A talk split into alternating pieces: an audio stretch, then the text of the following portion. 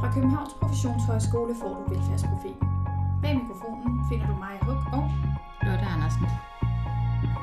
Med udviklingen af velfærdsstaten fik landets borgere universelle rettigheder på en række velfærdsområder. Formålet med de offentlige ydelser var at skabe tryghed og sikkerhed for borgerne gennem objektiv og transparent omfordeling af landets goder. De seneste år har der imidlertid været øget fokus på potentialet i samskabelse, altså samspillet mellem offentlige, private og frivillige organisationer i løsning af velfærdsopgaverne. Hvad rummer denne udvikling af muligheder og risici? Egmont Fonden er et eksempel på en indflydelsesrig privat bidragsyder og aktør på velfærdsområdet. Egmont Fonden yder bidrag til en række almennyttige aktiviteter for børn og unge.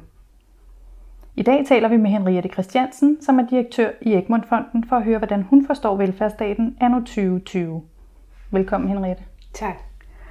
Tror du på den danske velfærdsstat? Vi starter benhårdt med trosbekendelsen. Mm. Og ja, jeg kan sige helt klart og tydeligt ja til at tro på velfærdsstaten. Og i det ligger der egentlig, synes jeg, både noget deskriptivt og noget normativt, fordi jeg mener, at velfærds, velfærdsstaten rent faktisk bidrager med stor værdi både for den enkelte borger og for os alle som samfund samlet set.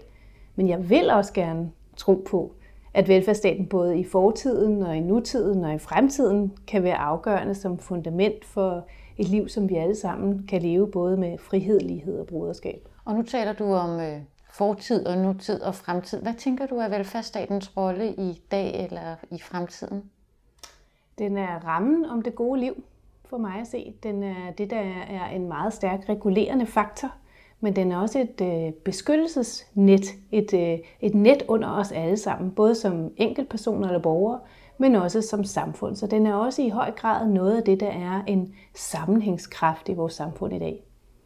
Og når man taler om velfærdsstaten, så er det meget sådan, at det er det offentlige, der skal løse opgaven. Men nu går vi jo lidt i retning af et velfærdssamfund, hvor man også trækker på den frivillige sektor og den private sektor. Tænker du, at det har nogen betydning? Det har meget stor betydning, og jeg hilser virkelig den øh, udvikling meget velkommen. Nu er jeg jo selvfølgelig også repræsentant for det, som nogen vil betragte som civilsamfundet, andre måske vil betragte som den private sektor. Men i hvert fald en fond, som øh, gennem knap 100 år har taget et stort samfundsmæssigt ansvar på os. Og det har vi jo gjort, fordi vi mener, at vi også har en pligt til at give igen, kan man sige, og til at tage et medansvar for en god udvikling. Vi mener, der fortsat er kæmpestort behov for, at der er nogen, der rækker ud og med til både at beskytte og hjælpe de øh, borgere, for vores vedkommende børn og unge i samfundet, som har brug for en hånd i ryggen, som har brug for forståelse, og som har brug for, at vi både hjælper dem og støtter dem. Og ser du, der er nogle udfordringer i velfærdsstaten i dag? Der er rigtig mange udfordringer.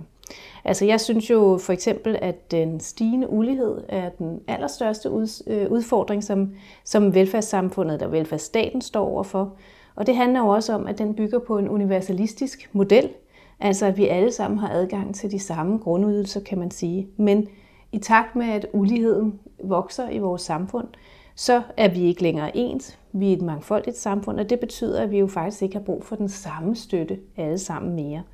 Øhm, og det tror jo egentlig grundlæggende den skattefinansierede velfærdsmodel, som, som vi har opbygget gennem de sidste mange år. Og dermed kan modellens legitimitet være troet.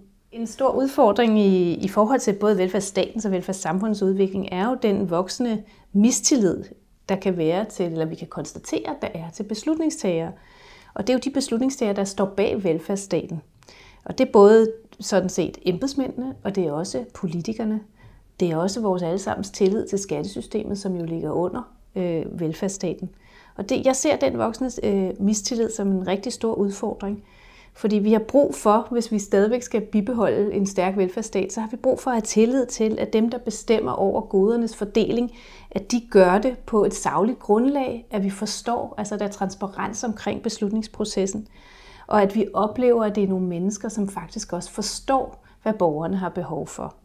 Øh, og hvis det ikke er tilfældet, så står vi altså med et meget alvorligt legitimitetsproblem. Og jeg synes, vi begynder at se konturerne af sådan et problem. Og tænker du, at øh, I som øh, den frivillige sektor eller den tredje sektor har en, en rolle der, hvor I måske kan bygge bro imellem øh, de forskellige, øh, man snakker om, at der er et mere polariseret samfund, som måske også er med til at skabe den her mistillid. Har I en særlig rolle der? Altså jeg synes bestemt, vi har en meget stor rolle i civilsamfundet i forhold til at sikre øh, tryghed og sikre øh, positiv udvikling for borgerne. Om vi kan decideret bidrage til at reducere mistilliden, det kan jeg tvivle lidt på. Øh, men vi kan i hvert fald gøre det, at vi kan hjælpe med nogle af, af de ting, øh, de beskyttelsesfaktorer, kan man sige, som er vigtige for, eller som kan give forudsætningerne for, at borgerne føler sig trygge i deres hverdag og har tillid til hinanden. Og det handler i høj grad om blandt andet at være med til at finansiere et stærkt netværk om nogle af de meget udsatte borgere i vores samfund. Og det kan være et netværk, som man får gennem foreningslivet for eksempel, men det kan også være et godt naboskab, eller at man som forældre i en klasse hjælper hinanden i hverdagen og har øje for den nytilkommende flygtningefamilie, der er kommet ind i klassen, eller det barn, som mistrives, fordi forældrene er alkoholiseret. Mm. Og ser du også, at der er nogle potentialer i velfærdsstaten, som vi kan bygge videre på, hvis vi fremadrettet skal have en stærk øh, velfærdsstat eller et stærkt velfærdssamfund? Ja, jeg ser et meget stort potentiale i, at der grundlæggende er en stor opbakning til velfærdsstaten eller velfærdsmodellen i befolkningen.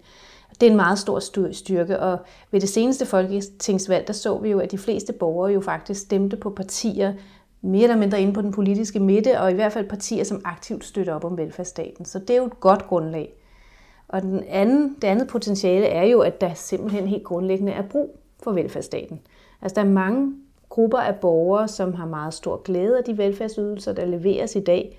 Øhm, og igen viste det seneste folketingsvalg jo også, at sager som netop børns vilkår, migration, integration, klima betyder rigtig meget for, velfærd, for vælgerne, og det er jo alt sammen emner, som er svære at adressere uden en stærk velfærdsstat i ryggen. Og det sidste potentiale handler i virkeligheden om, at øh, der faktisk ikke findes noget rigtig godt alternativ tror jeg rigtig mange danskere vil sige. Altså det er ikke sådan, at vi kan kigge til udlandet og så tænke, åh, oh, bare vi havde det system, som nabolandet har.